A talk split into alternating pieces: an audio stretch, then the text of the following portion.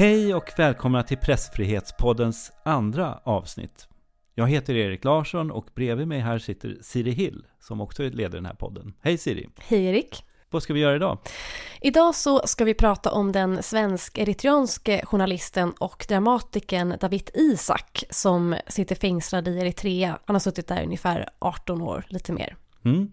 Och vi har med oss eh, Björn Thunbäck också, som är något av en expert på David Isak och har jobbat med det i många år. Du är journalist, Björn, och jobbar för Sveriges Television, men du har följt utvecklingen i väldigt, väldigt många år. Hur känns det att vara här? Ja, men det känns väldigt bra. Det här är ju något som jag hållit på med väldigt länge, som du säger, närmare 17-18 år, någonting sånt där. Sen, ja, vi fick reda på det i Reportrar utan gränser. Eh, just det, för att eh, du sitter också med i styrelsen i Reportrar utan gränser här. Eh, det har ju blivit eh, aktuellt, eh, det här ärendet har blivit aktuellt den senaste tiden. Eh, nu bara för ett tag sedan så var David Isaks dotter Betlehem och ute och pratade i sommar och hon sa att hon hade, enligt säkra källor så visste hon att David levde. Eh, det här är ju ett ärende som har pågått i väldigt, väldigt många år. Och jag undrar Siri, vad tänker du på när du hör ordet David Isak, eller när du hör namnet David Isak? Mm. Eh, jag, jag tänker nog, det första som kommer upp för mig, det är den här nästintill ikoniska bilden av honom som har använts i många olika sammanhang. Den här svartvita bilden när man ser honom lite från sidan. Um, han har ju verkligen blivit en eh, symbol för press och yttrandefrihet. Eh, och eh, på ett sätt så tycker jag också att det är lite sorgligt att det just är så att den här, det är den här bilden som kommer upp för mig främst då. Och inte kanske hans liksom journalistiska gärning eller han som person. Eh, han är ju en oerhört modig och politiskt engagerad publicist eh, som har fått betala ett oerhört högt pris för att bedriva journalistik i Eritrea. Det är det jag tänker på. Mm. Eh, jag själv, jag tänker på kanske två saker. Det, det ena är att det känns som ett väldigt stort fall, alltså som går tillbaks väldigt, väldigt lång tid. Så det känns nästan jobbigt att sätta sig in i allting. Eh, och eftersom det är så omskrivet och så vidare så känns det som att alla vet så mycket mer än vad jag själv vet och att jag nästan blir rädd för det. Sen så kom jag faktiskt att tänka på en kväll när jag satt på en bar. Och då kom det in eh, ett gäng som stod bredvid mig och eh, började prata om en manifestation som de skulle ha för David Isak. Och jag hade bara journalist, eh, bara ett par år då, så här, men jag var så extremt engagerad över deras engagemang för pressfriheten. Och jag var nog lite avundsjuk på de här också. Och jag önskar väl kanske liksom att jag skulle kunna brinna så där mycket. Men du Björn, du har ju verkligen varit så engagerad i det här fallet under så många, många, många år. Och frågan är, alltså, hur orkar du? Alltså det finns inget alternativ ibland. Men det har varit tungt i perioder när jag känt att jag inte orkar mer. Men samtidigt så har jag ju lärt känna hans familj. Eller hans bror i alla fall. Och nu hans dotter som ju är vuxen. Hon var ju bara ett barn när det här började.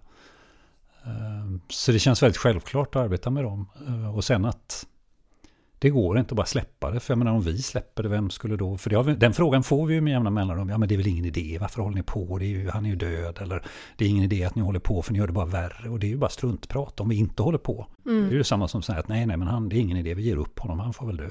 Och det går inte. Men, men jag tänker som, som journalist så är man ju van att släppa väldigt många frågor.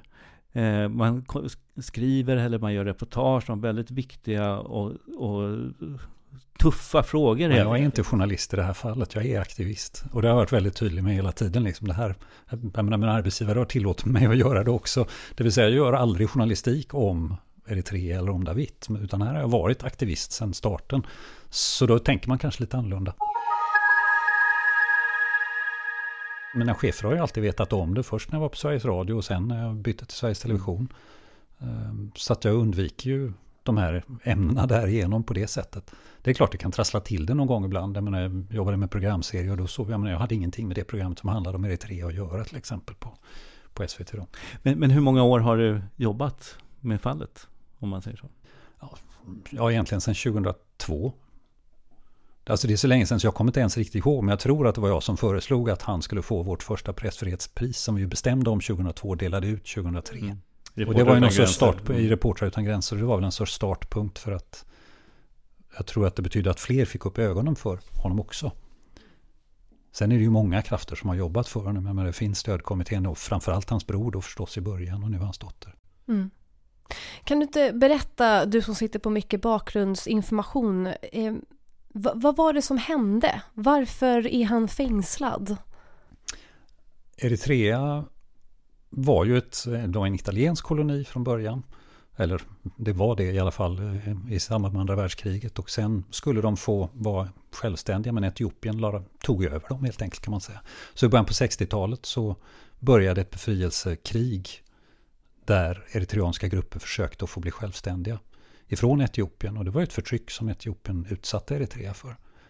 Och de lyckades på 90-talet så att 1993 så blev de självständiga. Eh, och då var det ju en gerillarörelse som hade varit den starkaste av gerillarörelserna som blev det statsbärande partiet och ledaren för den blev president. Han är fortfarande president nu, 2020. Eh, och det var en väldigt positiv utveckling. De började med tidningar. 1997 kom det en ny presslag som gjorde att det startades tidningar. Och Setit, den tidningen som David arbetade för, den startades då. Och han var inte med från början men det var en annan som, de visste ju om honom, han var duktig författare, han hade vunnit massor med priser på en italiensk, eller en teaterfestival för eritreansk dramatik. Han var liksom känd på det sättet, han gjorde radiopjäser, han hade en barnteatergrupp. Mm. Så han var verkligen mångkunnig på det sättet. Och eh, då rekryterade de honom till Setit, som den tidningen heter, som då var störst också i Eritrea. Eh, och sen blev det krig igen mellan Etiopien och Eritrea 98. Och då hade man ju haft den här, man hade plockat fram en konstitution, en ny grundlag. Mm. Men det arbetet avstannade. Det talades om att det skulle hållas ett val, men det arbetet avstannades också. Sen blev det i och för sig en, någon form av fredsöverenskommelse. Fast det, var ett, det blev väl inte riktigt fred, men i stort sett i alla fall. Och då började en del veteraner inom det styrande partiet säga att nu måste vi faktiskt hålla de här valen som vi har sagt. Nu måste vi ha partimöte som vi borde ha haft sedan flera år tillbaka. Och de hade bett om det internt först. Mm. Men sen skrev de ett öppet brev som Setit, Davids tidning var den första som publicerade i juni 2001. Och då började det bli, då hade det redan börjat, alltså presidenten samlade allt mer makt i sin hand, Isaias Afwerki som han heter. Och sen började de märka där den sommaren, eh, Davids chef eh, Aron Berhane, han blev kallad till förhör hela tiden. Olika, alltså de började stry, strama åt sådär några av de här ministrarna som hade skrivit på det här öppna brevet. Det var vicepresidenten, alltså det var verkligen, det var inte vilka som helst som hade skrivit på det. Mm. De upptäckte att jaha, plötsligt så fick de inte vara på sitt kontor eller de fick inte några arbetsuppgifter egentligen. De var fortfarande ministrar till namnet. Så den där sommaren 2001 var väl ganska avgörande för då, då stramade man åt. Och sen inträffade 11 september 2001. Hela världen tittade åt det hållet. 18 september så skred president Isaias Afwerki till verket då i sitt land. Det var ju ingen som brydde sig om vad som hände i Eritrea. Då stoppade de alla tidningar. Och under några dagar där så var det en massa möten där David var med och flera av de andra också. Där de frågade vad ska vi göra? Mm. Ska, vi, ska vi vara rädda eller ska, kommer det blåsa över? Och David var väldigt lugn. Liksom flera av de andra och tänkte att det här kommer passera, det kommer, det kommer gå över. Andra var ju mera försiktiga eller mera ja, rädda om du så vill. Drog de sig tillbaka då? Så en del gjorde det. Eh, Aron Berhane som ju vi har haft här som gäst hos Reportrar utan gränser som var Davids chef och en av grundarna, han tyckte det här verkade farligt och han försökte verkligen övertyga alla andra om det också. Så han höll sig undan. Och då kom ju polisen hem till honom, men då var han ju inte där. Mm. Men när polisen kom till David, då var han ju där. Han bjöd dem på frukost. Ja, och det var en frukost som de tog med honom. Och sen tog de med honom. Sen dess har han suttit inlåst då helt enkelt? Ja, det var, i stort sett. Det var no, två dagar, tre dagar, 2005. Då släpptes han ut, ringde hem till Sverige och sa att, till sin familj att men nu kommer jag. Just det. Och sen tog de tillbaka honom. Och det där vet vi inte riktigt vad som hände. Men det är det sista liksom helt säkra livstecknet att någon har pratat med honom här. Hur, hur var han som journalist och dramatiker då? Vad gjorde han för något? Ja, alltså han, har ju, han verkade ju på Tigrinja. Och det där var ju också någonting. Vi, alla de första åren så hörde vi hela tiden, ja, ja men han är väl ingen riktig författare, jag har aldrig läst något vad han har skrivit, vad han, vad han varit. Men nej men det är klart, han skrev på tigrinja i Eritreas största dagstidning. Han skrev böcker på tigrinja, han skrev pjäser på tigrinja. Och det var väldigt viktigt för honom, eller är viktigt för honom med den kulturen och det språket. Så det var därför också som vi såg till att, översätta några av hans texter som kom ut eh, 2010. Eh, och det var ju en, ett viktigt sätt att visa att här är han. Och då var det bland annat hans första bok som egentligen är en kärlekshistoria i flera. Den är inte alls politisk, mm, men det är en kärlekshistoria. Och sen översatte några av hans artiklar. Och det som de beskriver, de texterna, artiklarna, det är ju en journalist som dels ifrågasätter, fast inte på ett aggressivt sätt. Han säger att alltså HIV, aids-problemet, vi måste börja tala om det, vi måste ha information om det. Och så ber han regeringen om det. Så det är inte så att han kräver att de ska avgå eller någonting, utan han skriver att det här måste vi tala om. Han åker till ett par byar där det är en strid om land, som det är på många ställen i Afrika. Vem äger den här marken egentligen? Och det börjar bli ganska bråkigt mellan de här två byarna. Mm. Och då säger han, ja men här måste ju myndigheterna gripa in. Så åker han dit, talar med alla sidor, han talar med de olika byäldsterna.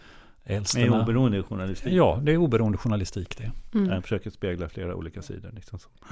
Men det, det, känns som, jag var ju lite inne på det i början där, bara min egen upplevelse av honom som eh, symbol liksom för pressfrihet och yttrandefrihet. Att det känns som att det är sällan som man sitter och pratar om vad han har gjort. Alltså mm. hur han var som person, ja. vad han bedrev för typ av journalistik. Mm. Eh, att eh, det är mer att det blir som ett räkneverk. Man ja. räknar antal dagar han har suttit frihetsberövad. Eh, tänker du att det hade varit någon skillnad om David Isak hade fötts i Sverige och var vit till exempel? Jo, det är klart att det hade gjort. Kan du inte berätta, vad tänker du? Nej men jag har väl tänkt på det många gånger. Jag menar om, om en journalist som, jag menar för det första hade han varit verksam i Sverige. Det spelar ingen roll vilken stor eller liten tidning han hade varit på då. Jag menar då hade det ju varit mycket mer lättillgängligt. Men om han hade skrivit på engelska hade det också varit enklare. För då hade vi kunnat förhålla oss till det han gjorde. Men nu var han i ett, ett, ett av Afrikas minsta länder. Som är ganska ungt. Och som har eh, en inte särskilt lång tradition av tidningsverksamhet. Så jag har ju varit mycket i, i Afrikanska unionen. De har två människorättsorgan, ett av dem Afrikanska kommissionen för mänskliga och folkens rättigheter. Och även där, jag menar, där är det ju människorättsaktivister från hela kontinenten, folk som är inne på, jag menar, det kan vara pressfrihet, det kan vara ekonomi, det kan vara gruvverksamhet, de är experter på alla möjliga olika saker, men liksom, jaha, är det trea? Oj, är det så hemskt? Det hade vi ingen aning om, får jag höra rätt ofta då, så att det, det är lite isolerat på det sättet. Jag tänkte så här, vi på Reporter utan gränser, vi går igenom vad utrikesdepartementet och olika regeringar, eller ja, vad utrikesdepartementet framförallt har gjort för att få honom fri. Och vad skulle du ge för betyg till UD? Du får välja mellan 1 till 5. Två. Två? nej, nej, men det vill säga ganska att, lågt. Det är ganska lågt. Mm. Det vill säga, jag tror att för det första, i början så hade man nog kunnat göra mycket mer. Esaias, eh, Isak, Davids lillebror, som jag bott i Sverige eh, sedan han var väldigt liten. Han ringde ju till UD och då ifrågasatte de direkt, men vadå, har han personnummer eller vad är det här för någon? Eller liksom, ja, han blev alltså väldigt illa bemött då. Eh, det kan man säga att det blev han också utav media. Han ringde till några av de stora tidningarna som sa att liksom, vi har redan skrivit om Eritrea i år. Vilket är fullständigt fåraktigt argument. Uh, när det sitter en svensk medborgare i gripen. Afrika, liksom. Ja, ja, ja, det är verkligen så idiotiskt. Mm. Men och jag tror att man hade kunnat göra mycket mer innan fallet blev så infekterat, föreställer jag mig i alla fall. Men sen måste jag ju säga, jag, menar, jag tror säkert det är jättemånga som har jobbat väldigt seriöst, jobbat jättehårt och gjort allt vad de har kunnat. Men jag tror samtidigt att man har varit eh, ängslig eh, eller gjort lite som man brukar. Eh, alltså, jag vet ju nu flera tillfällen där UD, där jag period varit jättearg över hur de liksom känns som de sitter på sina händer. Ett sånt exempel är att EU ger bistånd, Sverige ger inget direkt bistånd till Eritrea, men EU ger. 2009 så, då man har sådana här paket, biståndspaket som räcker i sex år, så 2009 var det ett sånt paket som skulle fattas beslut om. En miljard kronor. Mm. Och då kollade jag med UD, har de, för de sitter med vid förhandlingsbordet precis som alla andra EU-länder då har representanter där. Då hade de inte ens några instruktioner om att nämna Dawit i de Mhm. förhandlingarna. Ska vi ge bistånd till ett land där vi har en medborgare som sitter fängslad, adopterad som samvetsfånge av Amnesty, aldrig dömd för någonting? Ska vi inte ens prata om honom då? Ja, då var svaret att ja, men genom att ge biståndet och de, det regelverket som finns kring det biståndet, då, har man en, då ska man ta upp sånt som mänskliga rättigheter. Då, ska man, då har man en, ta- en kanal att tala i. Det var liksom det som var motiveringen. 2015 var det dags för nästa biståndspaket. Då blev det 2 miljarder. Och då frågade jag på nytt UD och jag skrev dessutom explicit och frågade EU-kommissionen, har ni nämnt Dawit under de här förhandlingarna? Han är ende medborgaren i EU och journalisten som sitter som samvetsfånge i hela världen. De har bara en att hålla reda på. Vad var det jag Nej, sa? varken UD eller EU hade nämnt hans namn där. Och vad i jösse namn skulle man med de där pratkanalerna om man inte pratar i dem? Men, men vad tror du beror, att det beror på då? Eh, jag menar, är det att man inte är intresserad av fallet tillräckligt eller är det eh, faktiskt så att man har en annan idé än vad du har hur det ska lösas? Alltså jag tror att det kan vara flera saker som spelar in och det måste man ju ge UD att menar, Eritrea är ett väldigt hårt land, ett väldigt svårgenomträngligt, svårbegripligt och makten ligger väldigt mycket hos presidenten. Så det är verkligen inget lätt jobb, det är inte det jag säger. Men man har ändå inte prövat de här metoderna som skulle kunna vara hårdare. Ett annat sådant exempel är ju att vi, det finns ju en grupp jurister som arbetar för David som har lämnat in polisanmälningar för brott mot mänskligheten. Det gjordes 2015, det gjordes på nytt 2016, 2014 och 2016 med. Och då kommer riksåklagaren fram till till slut att ja, jo, men det här är ett Rent juridiskt finns det anledning att starta en förundersökning här. Därför det finns anledning att misstänka brott mot mänskligheten. De misstänkta, de finns liksom i statsledningen, de finns i toppen. Mm. Deras, det här med immunitet kan ju vara trassligt, men riksåklagaren kommer fram till att nej, men det går ändå att, att föra det här vidare. Så rent juridiskt är det klart. Och det kan utredas i Sverige också, för det är sådana här internationella brott. Men sen frågar han UD och säger han att nej, men de ja, han, det är ju hans beslut, men han säger att förhandlingarna om Davids frihet skulle försvåras om jag inledde en förundersökning, så därför låter jag bli. Mm. Med andra ord, UD har ju inte bestämt det formellt, men de har ju i alla fall bett honom att låta bli, eller åtminstone gett sån information. Mm. Och det där är också, jaha, varför det? Vi, har ju, vi pratar ju så mycket om mänskliga rättigheter. Brott mot mänskligheten, folkmord, krigsförbrytelser, alla den där är en kategori av brott som alla länder har en skyldighet att lagföra. För ofta kan man inte göra det där de har begåtts. Och så är det ju i Eritrea.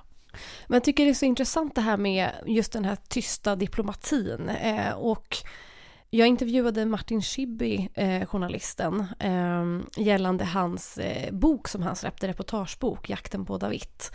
Eh, där han har intervjuat allt ifrån David Isaks familj till personer som har suttit fängslade tillsammans med honom eh, och också eritreanska ministrar.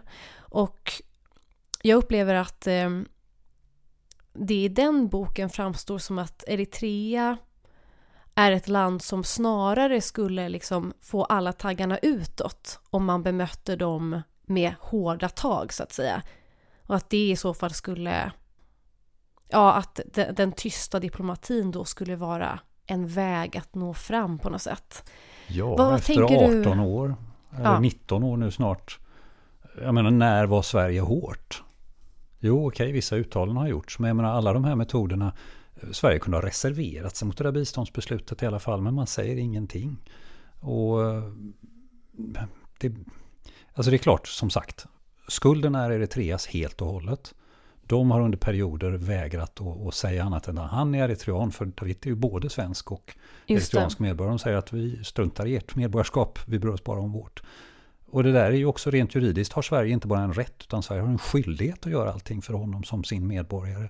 Det har vi ju också med hjälp av juristerna påpekat för både EU och för, vi gjorde ett rättsutlåtande, eller det var jurister som gjorde ett rättsutlåtande 2000, ja gud var det 9 eller 10, men det är väldigt länge sedan i alla fall, som vi lämnade över, dels på UD, eh, Esaias, eh, Davids bror och jag Mm. lämnade över det på UD, vi lämnade över det hos EU-kommissionen, vi lämnade över det till talmannen i EU-parlamentet.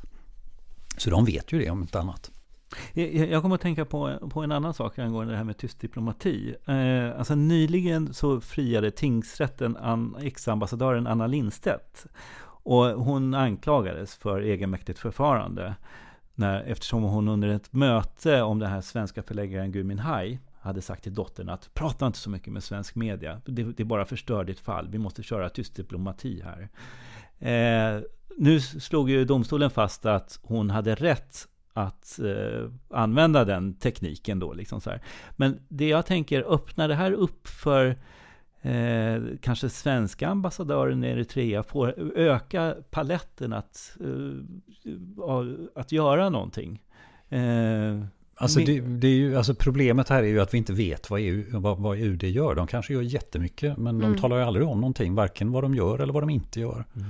Så det är klart att lite sitter vi här och skuggboxas. Mm. Men när det gäller, jag menar Gui Minhai det är liksom ett, det är ett annat och jag menar det må ha varit helt lagligt. Sen kan man säga att man satte ju i alla fall Angela Gui under en väldig press genom det där mötet. Men det här är ett extremt långvarigt fall, men David är ju tyvärr inte alls ensam. Dels har han en massa eritreanska kollegor, men det är en annan sak. Men vi har haft svenska kollegor till honom som varit fängslade. Jag menar Martin Schibbye som du nämnde och, och mm. Johan Persson var två. Shariana Muradov som satt fängslad och eventuellt skulle utlämnas till sitt hemland. Han är svensk medborgare mm. men satt fast i Belarus. Du hade journalister som var kidnappade i Syrien. Du hade en, svensk, en turkisk författare som greps via Interpolbegäran i Barcelona för några år sedan, Hamza Yalcin. Och det där kommer att hända och då vore det ju konstigt om man inte satt sig ner och verkligen gick igenom allt som UD har gjort. Det kan inte finnas ett låst skåp där. Utan det borde tillsättas en parlamentarisk utredning. För parlamentet är överordnat regeringen. De har rätt att se allting. Det betyder ju inte att de ska spika upp det på kyrkporten eller liksom sätta upp det på riksdagens dörr. Utan de kan ju gå igenom allt, även det hemliga. Och tänk om de upptäcker något nytt. Tänk om de ser någonting som UD inte har sett. Mm. Det vore fullständigt självklart om man ska lära utav de här sakerna. För det kommer tyvärr att behövas igen. Nästa gång vet vi inte var, men det kommer att hända. Det kan vi vara övertygade om. Kravet är ju en parlamentarisk utredning ja. för att kunna vädra ut det här då, enligt dig. Då, sådär. Ehm, jag tänkte, du nämnde i början att eh, det skedde en del misstag strax under hösten 2001 och en period framåt. Eh, och det var väl utrikesminister Anna Lind och Laila Freivalds som var tillkom 2003, någonting sådär. Eh, så jag har förstått att du var rätt kritisk till hur regeringen agerade då i fallet David Isak. Men om vi ska titta på det efteråt, eh, vilka regeringar tycker du har skött sina, utmärkt sig på något positivt eller något negativt sätt? Jag kan inte se, jag kan inte se någon stor skillnad. Liksom det har varit, eh, vad är det, sex, sju utrikesministrar och eh, jag vet inte om det är sju, åtta ut, eh, biståndsministrar om man nu tänker på biståndsdelen av relationen med Eritrea. Och det har väl varit fem eller om det är sex ambassadörer också. Alltså, det är svårt att säga att det, det är inte så att man kan säga att det här är en typiskt borgerlig eller en typiskt socialdemokratisk fråga. Utan jag tror inte det har varit så stor skillnad helt enkelt. Och vi har ju gjort jämförelser. Vi har ju varit i kontakt med Raoul Wallenbergs anhöriga som ju har uttalat sitt stöd tidigare när vi höll på med det här med, med en polisanmälan. Därför att Raoul Wallenberg försvann ju 1945. Och det var ju helt tyst ifrån Sverige i stort sett. Jag tror det var uppe om det var sex gånger i riksdagen under 60-talet hans fall. Överhuvudtaget. Det var först 1990 man gjorde, eller i början på 90-talet, som man gjorde en utredning om honom. Och vad som hade hänt, vad som hade gjorts. Mm. Alltså det är ju nästan 50 år senare, det är fullständigt galet. Mm. Då måste man ju, nu kan vi inte göra om samma sak här, utan då gäller det ju för det första att vara tydlig i det man gör.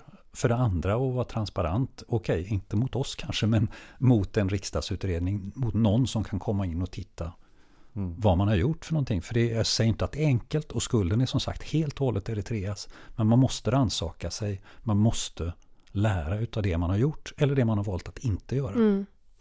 Men eh, jag tänker på det här, eh, du nämnde tidigare att du, att du tänker att det, ska, att det finns liksom en att det finns en feghet eller en rädsla eh, hos svenska myndigheter för att agera i det här fallet.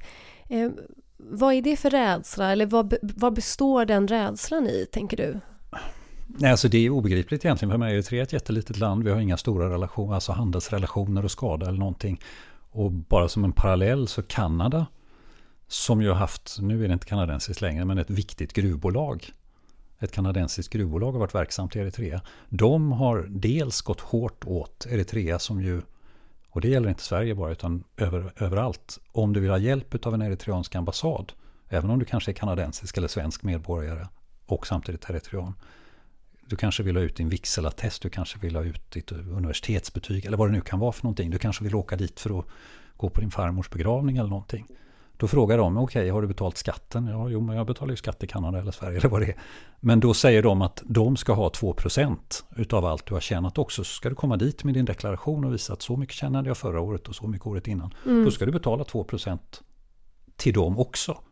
I Kanada så har man gjort rätt sak av det där. I Kanada har man satt de man, ska, man får inte lov att betala den där summan. De varnade, medan det fanns FN-sanktioner, då varnade kanadensiska UD alla från att betala det för det kunde innebära brott mot EU-sanktionerna. Mm. De kastade ut en av diplomaterna och hotade stänga generalkonsulatet om de fortsatte med det där.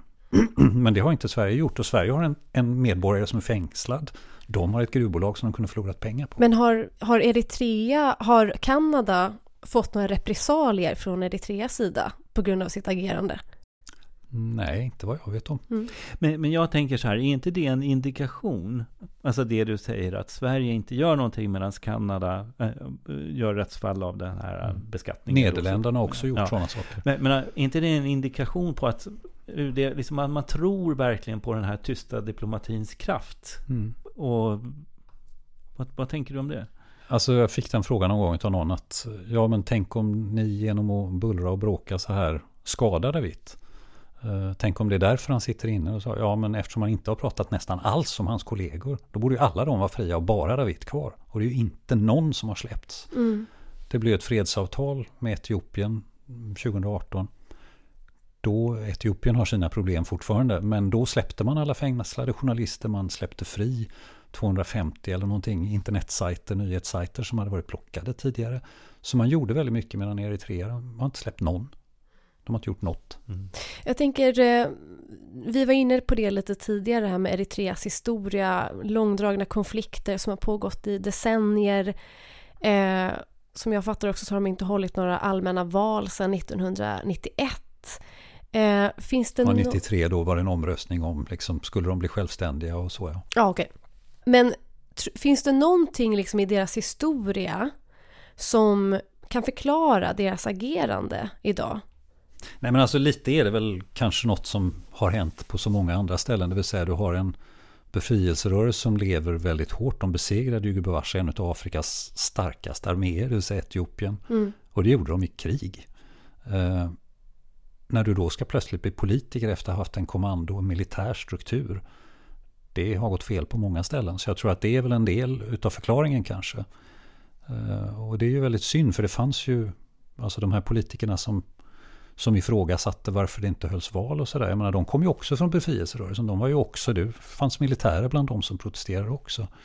Så det är ju inte så att det var hugget i sten att det skulle gå på det viset. Mm. Men det gjorde ju det. Jag, jag, tänker på en sak. Alltså, Eritrea det är ju ett av världens absolut sämsta länder när det kommer till pressfrihet. Eh, vi på Reporter utan gränser vi har ju ett index där man tittar på pressfriheten i alla världens länder. I nästan alla världens länder. Och när man rankar de här länderna om man tittar på 180 länder så kommer Eritrea på 178 plats nu. Och det här har varierat de senaste åren det var något år sedan så var man på 179 plats eller 178. Liksom. Ja, de har legat absolut i botten i, vad var det, 7-8 år eller någonting. Mm. Exakt, det är extremt dåliga förhållanden när det kommer till press. Ja, men all press är ju förbjuden. Ingen tidning är ju tillåten utöver den statliga. Nej, precis. Men, men nu är det ju så att i Etiopien, ett land som vi har pratat om eh, lite grann nu, liksom så här, där har det ju funnits en liten politisk upptining som börjar ske. Eh, och då undrar jag, alltså, finns det några kan det påverka fallet David på något sätt som du ser det? Eller kan det också leda till att journalister får bättre villkor? När det stora jätten Etiopien, som också är en enpartistat i praktiken. Alltså jag tror att det sipprar ju in information i Eritrea. Jag tror att regimen i Asmara, huvudstaden, alltså är mera oroad av det. För du har inte bara Etiopien och även Sudan som ju också varit stenhårt styrt. Där du fick en folklig resning kan man ju säga, där det ändå inte var särskilt mycket blod som flöt. Och det är också ett exempel som gör att folk kan få idéer och det finns en rörelse inne eh, i Eritrea där det har varit lite mer folk som har protesterat. Det har dykt upp några få ställen där det har skrivit slagord. Och så finns det någon som heter Jackl, det vill säga nu räcker det. Som är en sociala medier-upprop som börjar egentligen utanför landet men som även har spritt sig innan där folk säger att ja, men, nu räcker det. Min bror och min pappa och min fru och alla, ja, de sitter inspärrade och liksom, nu räcker det. Och det där har liksom rullat på. Det är ju inte något som vi pratar om så mycket här, men det mesta är på Tigrinja så det är inte så lätt för så många här kanske att, att förstå det. Men eh, det finns ju hopp på det sättet. Men det är långt kvar. Du, du har ju följt det här fallet i 18 år och jag, sett, jag inser att du måste ha både liksom känt förhoppningar, stunder där du har trott att nu kommer han att släppas och sen så, så också stunder där du har kanske känt som har varit tyngre på något sätt. Men hur känns det nu? Nej men det är ju någonstans, det ger vi upp hoppet, det går, det går inte. Men det är klart att det personligen ibland har jag varit jättetrött. Det var mer för några år sedan så kunde jag känna, bara, jag vet inte om jag orkar längre. Men samtidigt tänkte jag, jag kan inte låta bli. Det går inte. Det skulle vara fruktansvärt svek. Jag har aldrig träffat Avit, men det är ingen som, som jag tänkt på så mycket. Som jag aldrig har träffat, som jag har tänkt på honom. Men han finns ju med mig hela tiden. Alltså jag håller på, inte varje dag, men nästan. Eh, på något sätt, gör alltid någonting. Alltså det är mejl, det är kontakter med folk. Och jag då genom det här kommit att besöka den afrikanska kommissionen och har knutit kontakt med flera afrikanska människorättsgrupper som jobbar i Östafrika och pressfrihet och sådär. Jag menar, det går ju, man måste ju, alltså det, det går inte att sluta. det går inte. Eh, jag vet att vi frågade det här lite tidigare, eh, tidigare i podden, men, men om du tänker, alltså, vad är det som du, du säger att det går inte att sluta, men alltså, vad tror du själv har kickat igång där? Tror att det är någon, vad tror du inom dig som Hans dotter sa någon gång att vi var lite lika varandra. Jag vet inte, jag har aldrig Hur träffat då, då? honom. På vilket sätt då? Nej, jag är lite, nu skrattar jag, men liksom lite allvarliga. Eller liksom att det, han har alltid, alltså jag, det jag har läst om honom är att han, han verkar mer stillsam kanske än jag, men att han, han har alltid tänkt mycket, han har alltid funderat, han har alltid haft en, en av hans gamla klasskamrater bor i Göteborg, eh, som brukade spela i hans pjäser, för han skriver ju pjäser redan i skolan. Uh, han sa, men han har alltid papper och penna i fickan. Det var alltid någonting där. Och det är klart, ja, jag har väl inte alltid haft papper och penna, men någonting finns det väl där. Och jag kan inte riktigt säga vad det är. Men sen är det ju, jag menar, hans familj, hans bror, som jag har känt längst eller mest, liksom, de är jättefina. Man kan inte svika dem på något vis då. Men hur kom du i kontakt med fallet först? Jag minns inte. Alltså förmodligen läste jag väl någon, någon notis om det. Och sen när vi skulle börja Ja, och sen träffade jag ju Esaias också då, hans lillebror. Ja. Men jag kommer inte ihåg det. Alltså, det är så länge sedan. Jag, jag ångrar ju nu att jag inte tog, skrev ner. Men det, man kunde inte... Och det säger ju Esaias också. Inte kunde man tro att man skulle hålla på med det här. Vi hade en period när vi var ute och pratade ganska mycket. Och varje gång så sa vi båda två vi hoppas vi slipper komma tillbaka. Mm. Och det, det, menar vi ju. Det är ju konstigt sätt att säga på ett möte. Men det ville vi ju verkligen. För vi vill inte behöva prata om det här. Men nu har det blivit som en del av ja, vardagen. Hur tänker, du, hur tänker du på hur det skulle vara att träffa honom någon dag? Ja, ja men det är klart jag tänker på det. Man vet ju inte hur man kommer tycka om varandra, men det känns ju som man skulle verkligen vilja tycka om varandra. Mm. Och sen hur mycket man kan prata, menar, han har suttit så fruktansvärt länge i fängelse under fullständigt vidriga förhållanden. Alltså, det var ju en fångvaktare som flydde 2010 som Messias, hans bror, träffade och blev övertygad om att han hade faktiskt vaktat David. Och då satt han i ett eh, fängelse som ligger liksom där det blir jättevarmt på dagen och jättekallt. Och de var helt isolerade från varandra. De träffade aldrig några andra och fångvaktarna fick heller inte svara dem om något. Alltså man skulle bli fullständigt tokig, var instängd i ett rum hela tiden. Själv. Mm. och eh, då tänkte jag, men kommer han hit? Kan han prata? Kan han svenska? Kan vi kommunicera överhuvudtaget? Alltså, jag har ingen aning. Vi vet inte hur det är nu. Och det är ju just det. Och det där är ju också någonting som hela tiden verkligen kan göra en förbannad. Det känns som att folk, ja, ja, men vi kan ta det här. Vi har ett, till våren så, eller till hösten. Eller till, men han kan ju dö imorgon. Han kunde dött igår. Han kunde dött för sex år sedan. Det är ju flera kollegor som har dött. Det är ju livsfarligt att sitta där. Det är inte så. Och den känslan har jag fått ibland både när det gäller media och när det gäller UD. Att den eritreanska regimen är ju skicklig. De är ju lite samma personer på den sidan hela tiden. Så kommer en ny minister eller en ny ambassadör eller vad det nu är för någonting. Och så tänker de, mm, ja men nu ska jag kunna lösa det här, tänker de. Jag menar som man gör kanske när man börjar ett nytt jobb. Och då kör eritreanerna ett varv och sen så får de höra att ja, ja, men du vet, när du nu kommit så i samband med nationaldagen i maj eller i samband med årsdagen, då har den här suttit tio år eller tolv år eller vad det är. Mm. Och då väntar de ett halvår till och så väntar de ett halvår till och sen när de byter jobb, de här ministrarna eller ambassadörerna och verkligen fattat att de vinner ju bara tid hela tiden, eritreanerna. De spelar, de leker. Mm. Så är det dags för nästa att komma in med friskt mod. Alltså det är mänskligt. Men jag tror att de har verkligen, de är skickliga på det sättet. Men Björn, vi får hoppas att uh, du kommer att få träffa David mm. snart. Verkligen. Och eh, med det så avslutar vi det här samtalet och Pressfrihetspoddens andra avsnitt som har handlat om vad som har, gjort, som har gjorts för att få David Isak fri. Och stort tack till dig Björn Thunbäck som medverkat och tack till alla ni som lyssnade. Vi hörs igen.